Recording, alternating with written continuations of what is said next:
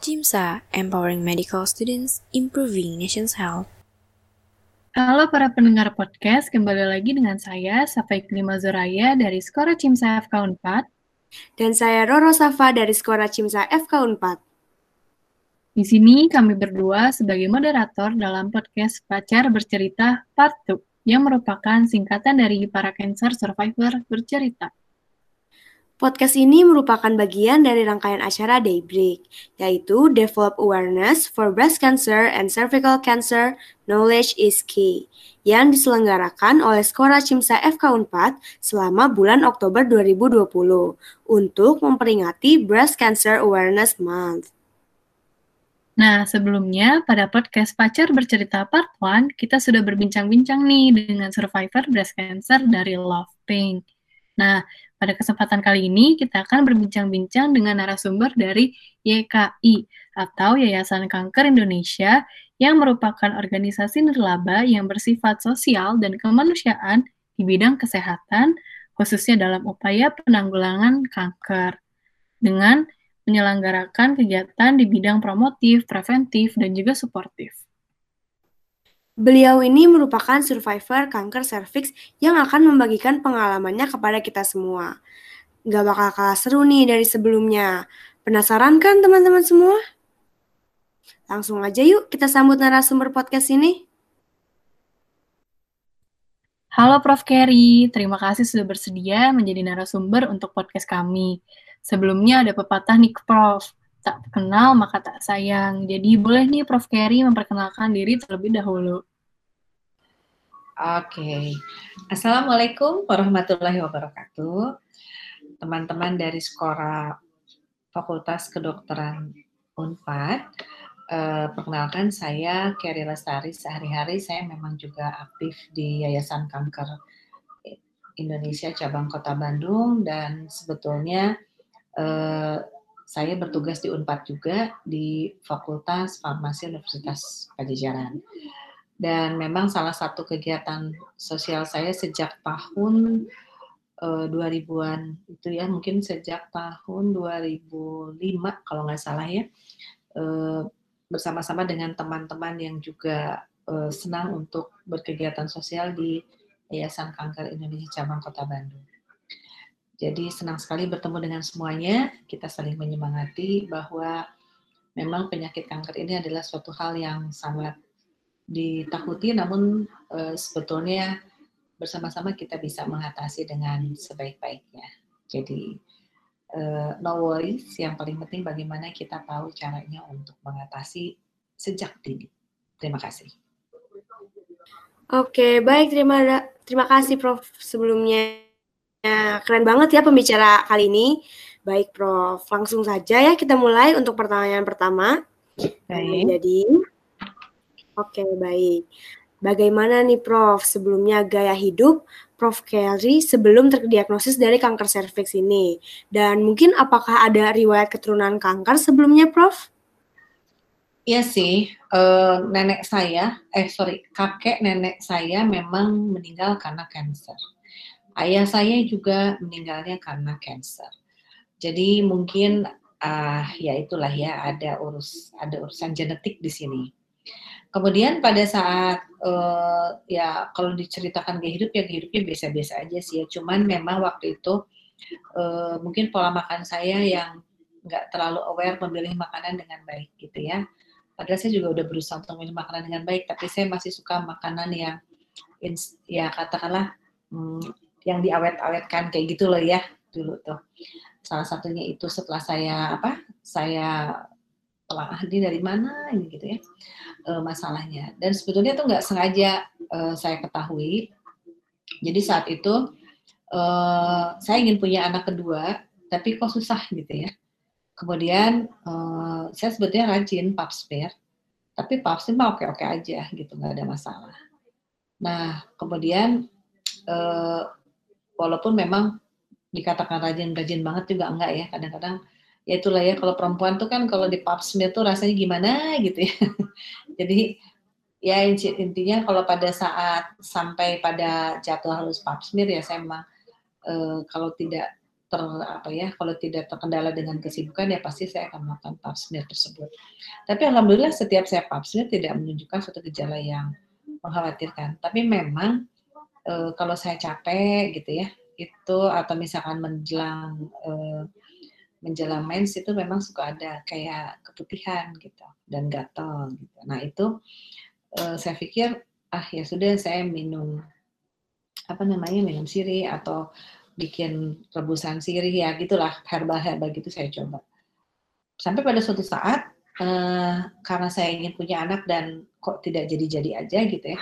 Saya kemudian periksa ke dokter kandungan, diperiksa semua. Oh ternyata ada semacam eh, prakancer, masih prakancer saat itu. Jadi eh, katanya prakancer itu CN1 sampai CN4 gitu ya iya empat gitu ya oh, stadium itu sen 1 sampai sen 4 baru dinyatakan cancer. Uh, ternyata saya itu uh, sudah masuk ke ya itulah ya uh, borderline antara 3 dan 4 itu. Jadi waktu itu uh, segeralah dilakukan uh, semacam apa ya tindakan di laser waktu itu ya. Di laser tak. Jadi memang uh, kolposkopi yang menemukan bahwa saya ada prakancer tersebut dan akhirnya saya di, di laser uh, lalu kemudian diberikan kayak semacam obat dan sebagainya istirahat di rumah. Ya alhamdulillah sih kemudian uh, bersih gitu ya.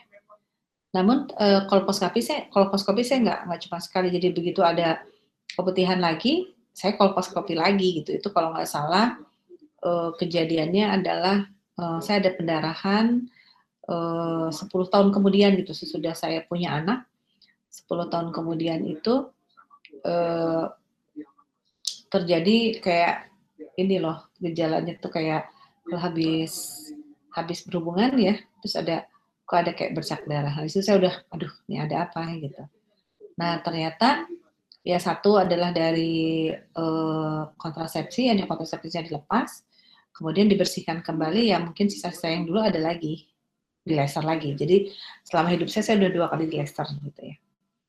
Uh, tapi alhamdulillah sampai sekarang uh, yang saya terasa sih kak ya sesudah di laser itu uh, ya kita merasakan bahwa tidak ada lagi kelem, kelem, kelembaban yang berlebihan gitu ya, nggak ada lagi keputihan, ya kering aja biasa gitu. Uh, apa namanya bagian organ vital kita. Jadi memang salah satunya kalau kita menemukan suatu ke ya kelainan yang kita rasakan ya baik itu keputihan, ada rasa gatel ataupun juga ada rasa lembab yang berlebihan ya sebaiknya kita waspada. Gitu aja sih mungkin ya, Safa. Oke, okay, baik Prof. Kerry. Tadi kan berarti uh, Prof. Kerry udah uh, aware berarti ya udah melakukan pap smear, terus gejalanya tadi mulai dari gatal-gatal, terus ada keputihan. Nah, dari gejala tadi, apakah dari gejala itu Prof yang akhirnya Prof Kerry ini memberanikan diri untuk periksa ke dokter? Uh, dan apakah uh, sebelumnya ini Prof Kerry tergerak sendiri ataukah uh, Prof Kerry ini sempat dulu kayak konsultasi sama temen kayak gitu atau gimana ya dok? Eh Prof? Ya enggak sih. Kalau saya sih waktu itu uh, karena memang punya anak itu ya, jadi saya konsultasi ke dokter kalau karena pengen punya anak yang pertama. Nah kalau yang kedua memang ada keluhan kayak itu yang yang pendarahannya lama gitu loh. Uh, jadi kayak semacam kalau kita mens itu lama terus uh, apa ya ter, terjadi pendarahan ber, apa ya ber, pada setiap bukan setiap sih sekali-kali ya sebetulnya pada saat uh, sudah berhubungan tuh kadang-kadang ada ya itu ada ada ada ada bercak darah kayak gitu ya. Itu yang yang yang akhirnya kan saya pikir ini ada apa gitu. Tapi emang bagus juga sih ya Yayasan Kanker Indonesia kan selalu bikin dulu sih bikin ke seminar-seminar untuk mengetahui apa sih gejalanya dari awal apa yang kita harus aware dengan dengan gejala tubuh kita. Nah karena sering dengar itu kali ya sehingga uh, begitu itu terjadi pada diri saya saya kayak semacam punya alarm untuk oh, kita harus harus cek nih ke dokter gitu. Jadi sebelum itu berlanjut gitu ya. Jadi sehingga kita punya apa punya apa namanya tuh punya kewaspadaan untuk eh, segera melaporkan atau memeriksakan ke dokter dan akhirnya segera ditangani dan sudah itu ya kita lakukan gaya hidup yang memang eh, tidak memberikan kesempatan untuk pengembangan dari uh, ya itu ya dari potensi adanya resiko terkena kanker tersebut. Oke, baik Prof. Terima kasih. Nah, Prof. Jadi uh, selanjutnya ya, Prof. Pada saat terdiagnosis nih, Prof, adanya kanker serviks pra kanker serviks. Nah, ini ini kan terdengarnya sedikit menyeramkan ya, Prof. Wah, hmm. kanker gitu. Nah, ini bagaimana nih Prof reaksinya dan perasaan Prof Kerry pada saat terdiagnosis tersebut ya, Prof? Uh, justru pada saat dibilang itu saya kan belum paham ya waktu itu yang pertama kali ini apa sih gitu ya. Iya enggak lah katanya nanti bisa. Jadi saya juga menemukan satu gaya gaya komunikasi yang enak dari dokter saya gitu ya. Gak usah takut lah Bu nanti kita akan akan akan ya ini adalah katakanlah uh, CN CN 4 katanya. Saya bilang apa tuh Pak CN 4 ya ini tuh kayak semacam pada sariawan ngomong gitu. Tahu itu prakansa tuh belakangan gitu setelah saya banyak baca gitu ya. Nah terus ya udah nggak usah nggak usah khawatir katanya. Nanti kita beresin. Oh, bagus lagi kok Bu. Yang penting Ibu uh, disiplin gitu. Kebetulan kan saya dengan suami saya. Jadi uh, pasangan juga punya peran ya.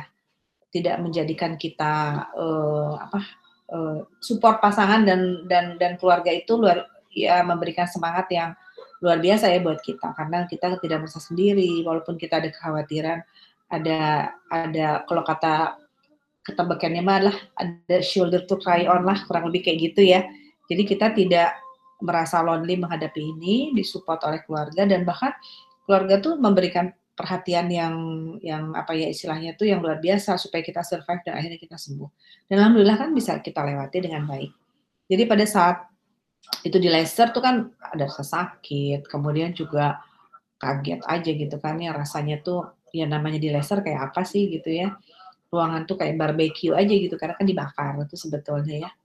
Ya suami saya juga tuh nungguin ada rasa worry dan sebagainya. Kemudian saya juga diikuti dengan terapi kayak jamu-jamuan gitu kayak kayak uh, apa ya kan nggak ada salahnya ya kalau kita menggunakan herbal itu katakanlah pakai antioksidan dan antiinflamasi meredakan uh, mungkin terjadinya uh, katakanlah pada saat itu terjadi in, in, intervensi dari penanganan kanker ini kan pasti ada hal-hal yang menyebabkan terjadinya inflamasi dan sebagainya ya sehingga uh, saya banyak makan herbal-herbal yang antiinflamasi dan anti oksidan itu biasanya ada dalam jamu-jamuan kan kayak gitu. Jadi habis di habis di apa namanya di terapi dengan uh, resar tersebut saya minum obat dan juga saya uh, apa namanya minum jamu. Kayak biasa aja kayak baru melahirkan 40 hari jamu melahirkan itu saya minum. Sampai 40 hari itu dijaga supaya tidak terjadi luka kembali. Dan akhirnya alhamdulillah sembuh dan si lesi-lesi yang pernah apa ya yang gosong yang di apa dibakar itu uh, lama-lama rontok dan bersih. Udah nggak ada nggak ada sisanya gitu. tapi selanjutnya kan saya betul-betul menjaga makanan. Ya artinya gini kira kira-kira makanan yang katakanlah karsinogenik tinggalkan dihindari gitu ya. Uh, walaupun saya sebetulnya nggak terlalu suka kayak saus-sausan kayak gitu yang menyebabkan uh, ya kita nggak tahu kan dia bahan dasarnya apa. Tapi terutama misalnya saya membatasi uh, konsumsi minuman manis gitu ya. Nggak terlalu suka teh manis nggak terlalu suka kopi dikasih gula kayak gitu-gitu. Karena kan itu salah satu juga pemicu uh, apa ya istilahnya terjadi ya tadi ya gula itu ada glucose toxicity ya ke mana-mana selain dari kalau untuk yang sudah survival cancer juga itu harus di, harus di uh, apa dibatasi selain juga ada resiko terhadap uh, penyakit metabolisme yang lain. Jadi mungkin karena saya juga senang membaca, senang mempelajari, ya saya juga berusaha untuk mencari apa sih penyebabnya, kemudian bagaimana kita menghindarinya, dan terakhir, terakhir mah yang menjadikan saya saya tenang dan survive itu adalah support dari pasangan dan dari keluarga ya terutama uh, menenangkan, memberikan support dan juga selalu uh, misalnya kan ada aja ya kekhawatiran-kekhawatiran kita ditenangkan karena sebetulnya tubuh kita itu sendiri sudah punya uh, sistem kekebalan dan juga sistem uh, anti cancer yang memang secara alami punya dalam tubuh. Gitu.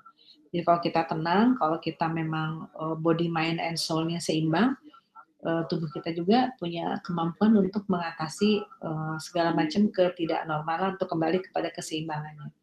Asal tadi mungkin uh, kita juga tidak terlalu worry, kemudian asupan konsumsinya seimbang, uh, olahraga yang baik dan menjaga higienitas tubuh. Itu aja mungkin ya penanganan dari semua penyakit termasuk cancer mah gitu. Begitu ya, Mbak Safa. Oke, baik Prof. Maaf sebelumnya ini sudah azan. Namun sepertinya sudah enggak sebenarnya ini tidak bakal lama ya karena hampir semua sudah terjawab nih. Makasih banyak loh Prof.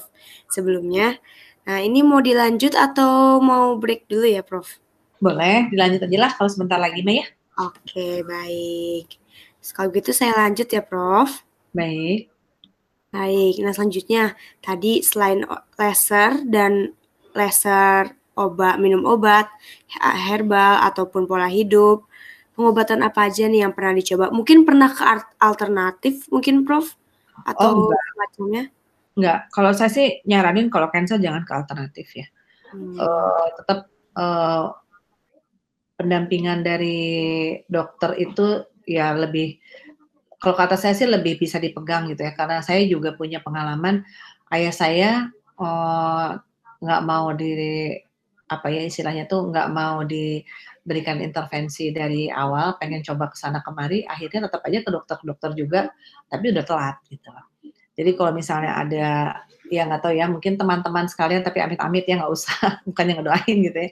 Kalau menemukan suatu hal yang katakanlah dicurigai uh, arahnya ke tumor atau cancer dan itu uh, apa namanya masih bisa diberikan intervensi secara invasif oleh oleh dokter segera lakukan. Karena itu juga yang dilakukan oleh suami saya terhadap saya waktu itu. Saya sendiri merasa bahwa ah nggak usah deh kita coba dulu yang lain. Enggak suami saya bilang udah sekarang harus gitu.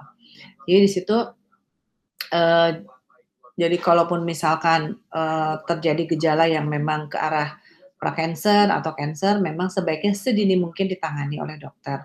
Perkala kemudian nanti mau didampingi dengan alternatif dan segala macam sambil berjalan, jadi jangan sampai uh, terapi dari dokternya di, di apa ya diabaikan. Tapi kalau itu didampingkan sih, kalau saya sih oke-oke aja, karena kebetulan saya juga mempunyai semacam ketertarikan terhadap uh, herbal dan bahan Arab yang ada di Indonesia gitu ya.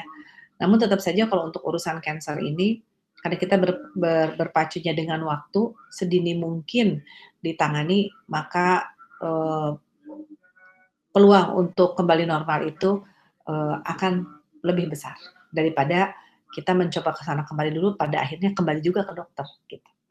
Itu pengalaman saya waktu saya nanganin orang tua saya sampai meninggalnya itu begitu. Jadi ada semacam apa ya kelainan di kelenjar getah bening nggak mau langsung ditangani oleh dokter bahkan di biopsi pun juga nggak mau coba dulu herbal, coba dulu pengobatan alternatif, tapi pada akhirnya nggak tahan, balik lagi.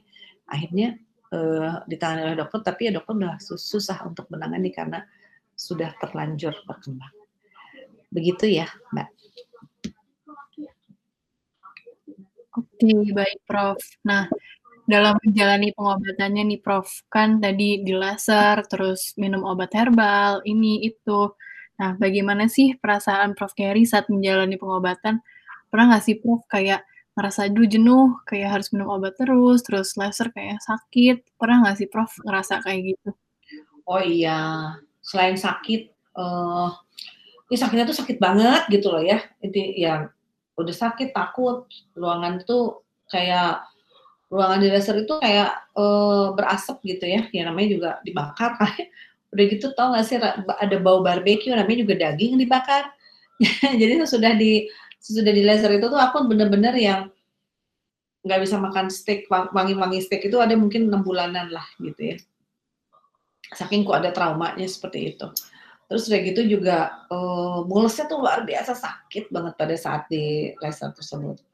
Ya kalau bercerita hal itu sih ya pasti uh, ada rasa ketidaknyamanan namanya juga kita sedang berobat gitu terus minum obat juga dilakukan dan pasti kan setelah minum obat ini karena ada ada urusannya dengan dengan hormonal dan segala segala macam ya mengganggu ada yang jadi jerawatan lah gitu ujuk-ujuk atau misalkan uh, pada saat melakukan pengobatan ini juga ada efek ke rambut lah rontoknya luar biasa dan sebagainya. Jadi sekali lagi hmm, semangat untuk kita sembuh itu uh, menjadikan kita juga uh, apa ya efektivitas dari obat itu terasa gitu. Selain itu juga uh, pemberian apa ya uh, semangat juga dari sekitar kita bahwa uh, ya kita tuh intinya bahwa di situlah kita merasakan support dari uh, pasangan, terutama kan apalagi kanker serviks. Berarti kan selama kita melakukan uh, terapi tersebut sekitar 40 hari, walaupun nggak apa-apa gitu, uh, uh, ya kita tidak mau ada kayak gitu ya istilahnya saling menjaga supaya tidak terjadi intervensi lain supaya tidak terjadi hubungan gitu. Karena jangan-jangan ini masih masih luka gitu kan. Uh, jadi kita nggak mau sampai betul-betul lukanya sembuh. Jadi sebetulnya mah uh, pada akhirnya apa pun yang kita rasakan ya kita mesti ada tempat untuk kita berbagi ya. Berbagi apa ya berbagi keluhan atau misalnya kalau kita ngerasa aduh sakit atau gimana ngomong aja jadi keluarkan dan ada yang mau mendengar ada yang mau menghibur gitu nah itu memang jadi satu support yang luar biasa supaya kita juga ada semangat untuk untuk apa namanya untuk melawan penyakit ini dengan dengan dengan positif. Yang pasti memang harus dengan pemikiran positif bahwa saya bisa sembuh, saya mau sembuh dan saya disiplin supaya bisa sembuh. Nah, itu. Gitu ya, Rafa. Oke, baik Prof. Terima kasih. Baik nih Prof. Tadi uh, sebelumnya saya mendengar bahwa banyak banget kan nih dari pengobatan yang Prof. Kerry ambil nih. Nah, dari uh, pengobatan tersebut, apakah ada yang meng mengganggu keseharian mungkin Prof? Dan juga Prof bekerja kan ya Prof? Bagaimana ya Prof? Iyalah, pasti waktu habis di laser saya nggak bisa ngapa-ngapain. Itu mungkin saya cuti sampai berapa hari ya? Mungkin dua mingguan saya tiduran best bed terus ya, karena jalan aja sakit gitu ya, habis di Leicester itu. Ah, pokoknya mah ya gitulah, namanya luka kan dibakar dalaman di dalam kita gitu, dalam organ kita. Kemudian eh, mau ke belakang aja perih gitu kan, karena memang ada luka. Eh, ya memang eh, pada proses penyembuhan itu memang ada suatu masa yang memang kita tidak nyaman gitu. Nah, namun dengan kita punya pemikiran bahwa oh saya bisa sembuh, itu tuh suatu hal yang yang luar biasa. Makanya saya suka menyampaikan ke teman-teman yang paling penting mah mendampingi pasien kanker itu adalah memberikan pemikiran positif, memberikan semangat bahwa uh, kita bisa sembuh gitu. Itu aja sih sebetulnya kalau menurut saya. Karena dengan dengan semangat dengan semangat hidup, dengan dengan kita berpikiran positif, uh, ada cerita bahwa you are what you think gitu lah ya. Kamu itu uh, akan menjadi apa yang kamu uh, yang yang kamu pikirkan gitu.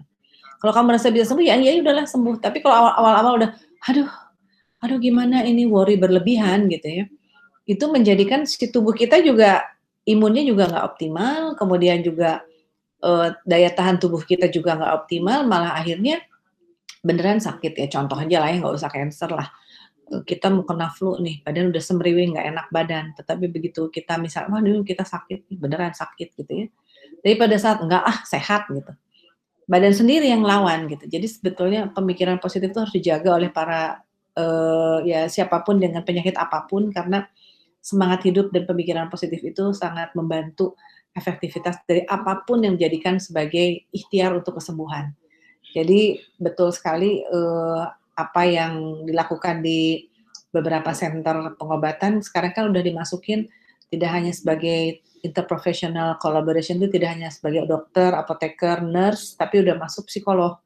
Karena di situ termasuk bagaimana diberikan uh, uh, pemikiran kita untuk uh, melawan penyakit ini secara positif dan akhirnya memang penyakit ini terlawan oleh tubuh kita dengan dengan baik kita. Gitu ya. Itu mungkin teman-teman. Oke, okay, baik Prof.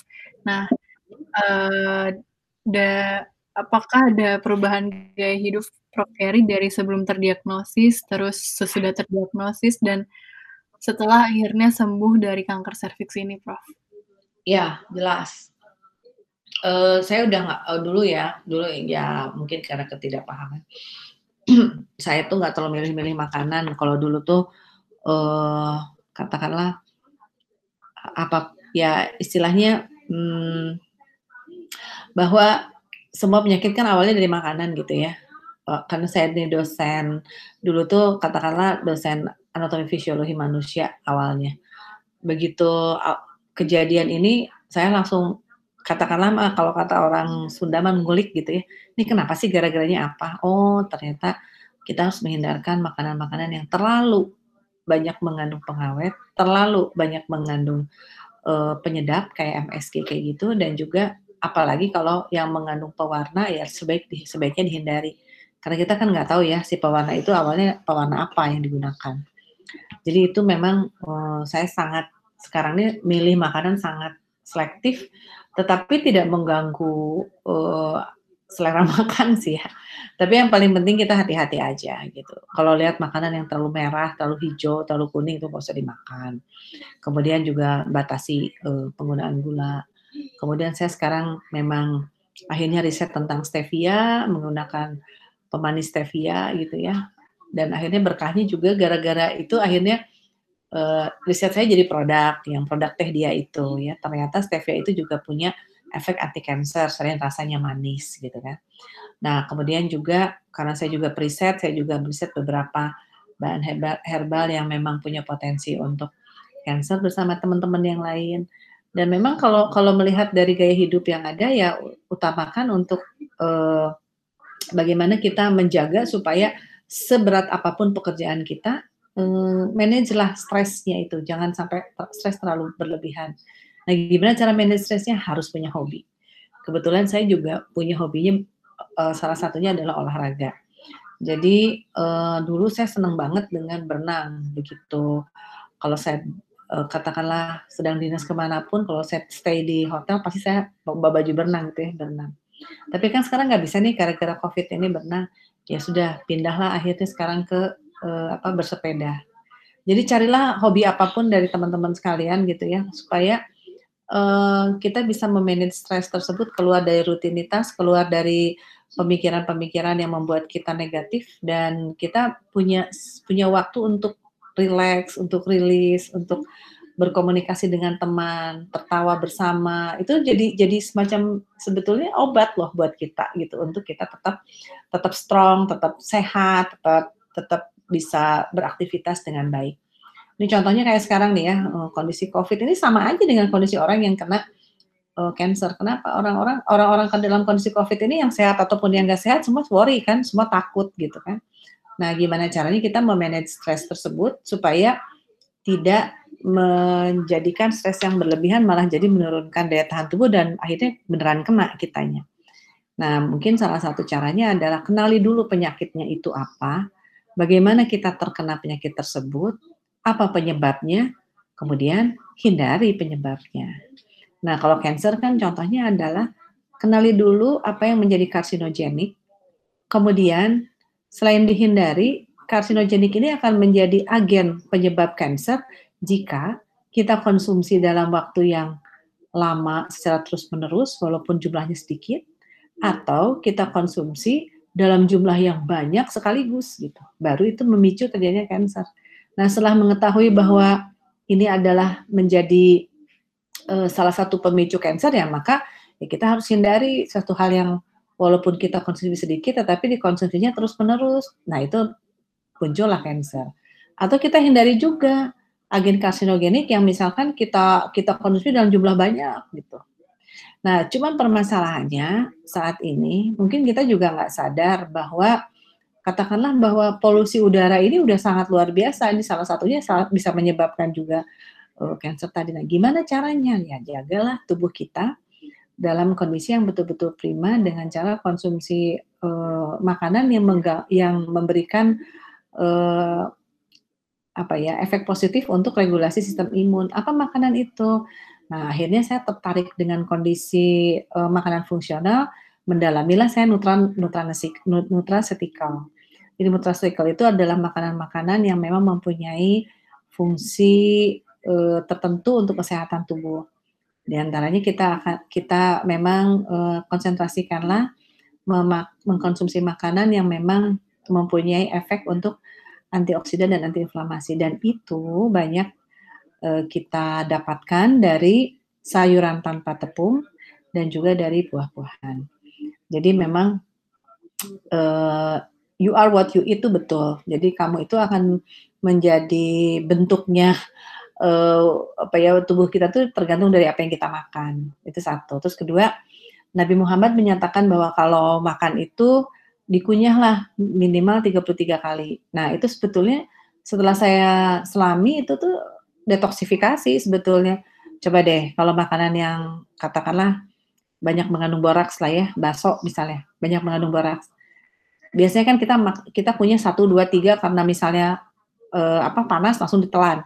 Coba ya kalau misalnya kita makan bakso seperti itu, dimakanlah, eh dikunyahlah eh, sebanyak 33 kali. Insya Allah tidak akan bisa ditelan kalau yang banyak mengandung boraks. Cobain aja. Juga cilok misalnya ya, cilok dikunyah sok 33 kali, nggak bisa juga ditelan. Jadi sekarang ini cara cara mendeteksi uh, suatu makanan baik atau enggak, kunyahlah sesuai dengan sunnah Rasul tersebut ya, kunyah 33 kali. Kalau masih enak untuk ditelan, berarti itu bagus. Tapi kalau kita makan sesuatu yang menyebabkan kita ingin ingin muntah, muntahkan. Karena sebetulnya itu adalah alarm tubuh bahwa kita uh, meminum atau makan sesuatu yang memang tidak bagus untuk tubuh. Jadi sebetulnya gaya hidupnya itu akhirnya berubah uh, ya kita makan bukan karena untuk kenyang, jadi kita makan tuh untuk sehat. Gitu aja intinya. Gitu ya. Oke, baik. Terima kasih banyak, Do eh Prof. Maaf sebelumnya. Nah, jadi uh, bo mungkin boleh menyampaikan hikmahnya nih, Prof. Dari selama menderita kanker serviks ini apa sih hikmah yang dapat kita ambil gitu? Satu hikmahnya adalah uh, kalau untuk saya ya uh, deteksi dini itu penting dan penanganan dini secara tepat juga itu penting gitu sehingga kita bisa mencegah terjadinya perburukan dari penyakit kanker itu tersendiri.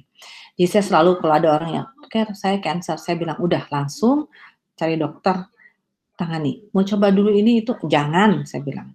Sok langsung aja karena saya sebagai periset juga uh, kalau bercerita tentang uh, anti cancer itu masih belum ada yang firm sebagai betul-betul anti cancer yang ya katakanlah uh, firm benar gitu ya uh, untuk dijadikan sebagai herbal anti cancer. Jadi sebaiknya udahlah uh, jangan terlihat jangan terjebak oleh testimoni. Kalau belum teruji secara klinis uh, obat herbal tersebut ya sudah kita gunakan saja obat-obatan yang di, yang memang diberikan oleh dokter yang memang sudah teruji secara klinis. Yang kedua adalah temukan dokter yang tepat. Artinya apa? Pola komunikasinya enak dan juga sudah berpengalaman dalam mengatasi hal tersebut. Itu sangat berarti untuk mencari ketepatan dari intervensi yang dilakukan kepada kita untuk mengatasi uh, kondisi yang kita punya. Terus yang ketiga yaitu tadi uh, you are what you eat. Kendalikan uh, atau pilih makanan yang betul-betul bermanfaat untuk tubuh. Tapi kita juga harus memberikan hadiah atau reward gitu ya. Boleh sih kalau mau beli apa namanya mau makan makanan yang menurut kita kan nggak sehat gitu ya. Tetapi kita pengen coba ya nggak apa-apa seminggu sekali aja. Tapi nggak boleh tiap hari gitu.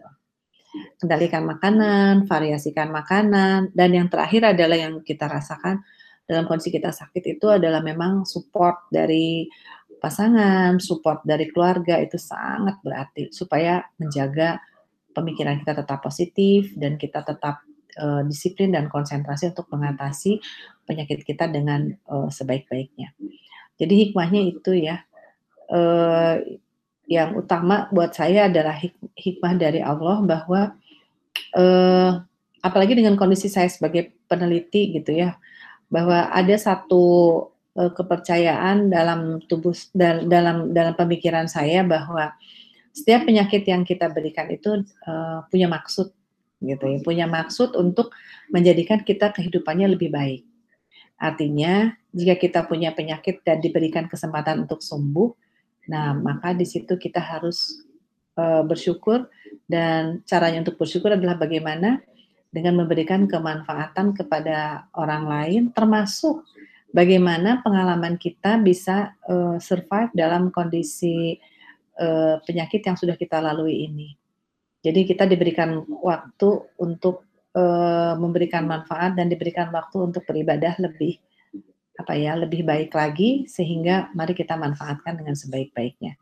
Jadi hikmahnya adalah sehat itu adalah untuk kita menjadi pribadi yang lebih bermanfaat untuk sesama. Begitu ya. Oke, baik Prof. Sebagai penutupan nih Prof, mungkin Prof Kerry dapat memberikan saran ataupun semangat nih Prof kepada para pendengar, terutama untuk para penderita atau pendengar yang memiliki kerabat uh, yang masih berjuang untuk melawan kanker serviks ini, Prof. Ya, um, untuk kerabat dulu ya. Untuk kerabat dulu bahwa penderita kanker, kanker itu satu dia uh, dengan kondisi fisiknya juga sangat terganggu, sangat menderita ya, ya betul ya menderita kadang-kadang sakit, kadang-kadang panas dan sebagainya. Jadi uh, pengertian dari kerabat ini sangat uh, apa ya? sangat memberikan uh, support yang luar biasa. Sehingga ya memang di sinilah mungkin peran dari kerabat dan juga pasangan untuk mensupport uh, saudara kita yang sedang berjuang menang, apa, mengatasi penyakit kanker tersebut intinya di sini mungkin salah satu ujian untuk menunjukkan uh, kadar kasih sayang kita, kadar cinta kita, kadar uh, bagaimana kita bisa saling mendukung, gitu ya. Uh, kemudian yang kedua adalah untuk penderita kanker itu sendiri harus selalu bersemangat, tetap berpikiran positif, ikuti anjuran dokter, dan yang paling penting adalah tetap bersyukur karena yang uh, kondisi lebih buruk dari teman-teman penderita kanker tuh banyak. Dan kalau kita tetap bersyukur, maka insya Allah uh, Allah itu akan memberikan juga karunia lebih pada kita. Dan semoga saja karunia lebih itu adalah dalam bentuk kesempatan usia untuk kita bisa lebih bermanfaat dan melakukan ibadah yang lebih baik. Jadi intinya buat para uh, penderita kanker atau kanker survivor uh, yang sama-sama mendengarkan podcast ini bahwa semua yang diberikan oleh Allah itu adalah selalu yang terbaik, jangan menyesali. Intinya, kalaupun sekarang kita sedang mengatasi atau berjuang mengatasi uh, penyakit kanker yang saat ini sedang dilakukan ikhtiar untuk kesembuhan, ingatlah bahwa ini juga sebagai salah satu kasih sayang dari Allah, bahwa mungkin Allah menginginkan kita lebih dekat dengannya. Dan tentu saja saya mendoakan untuk uh, semua para penderita kanker bisa selesai atau bisa selesai menyelesaikan uh, pengobatannya dengan baik dan kembali menikmati kebersamaan bersama keluarga. Jangan takut apa pun itu uh, pasti akan ada suatu petikan hikmah yang pada akhirnya kita mengetahui bahwa uh, Allah itu hadir dan memberikan yang terbaik untuk kita. Itu saja, mungkin tetap semangat, tetap berdoa dan jangan lupa tetap berikhtiar dan selalu menjaga mood supaya kita dapat melewati uh, proses untuk perjuangan melawan kanker ini dengan sebaik-baiknya. Tetap semangat ya, begitu saja. Terima kasih. Oke, terima kasih banyak Prof. Kerry untuk saran, masukan, dan pengalamannya yang sangat menarik dan inspira inspiratif banget nih. terima kasih sama-sama. Jadi terbuka pikiran saya sekarang, Prof. Ya intinya kalau udah dapat suatu musibah atau penyakit itu jangan dianggap sebagai apa ya musibah atau misalnya Allah tuh sedang marah sama kita enggak. Justru mungkin ini kasih sayang Allah supaya kita lebih dekat dengan Allah karena biasanya pada saat kondisi kita sakit atau musibah banyak waktu keluar dari kesibukan kita sehari-hari malah kita lebih dekat gitu kan intinya begitu. Terima kasih banyak Prof. Ferry untuk saran, masukan, dan pengalamannya yang sangat menarik dan inspiratif banget nih. Terima kasih juga untuk YKI yang sudah bekerja sama dengan kami dalam menyukseskan acara Daybreak ini. Nah, sekarang saatnya kami berdua undur diri. Terima kasih para pendengar podcast. Tetap stay tune dan follow IG at Cimsa Unpad untuk mendapatkan informasi-informasi seputar Cimsa dan acara Daybreak. Karena selanjutnya kami akan mengadakan campaign dan talk show juga loh. Jangan lupa untuk cek juga podcast kami bersama Breast Cancer Survivor di Pacar Bercerita Part 1 pada Spotify Cimsa FK Unpad. Jangan sampai terlewat ya. Sampai jumpa di rangkaian acara Daybreak selanjutnya.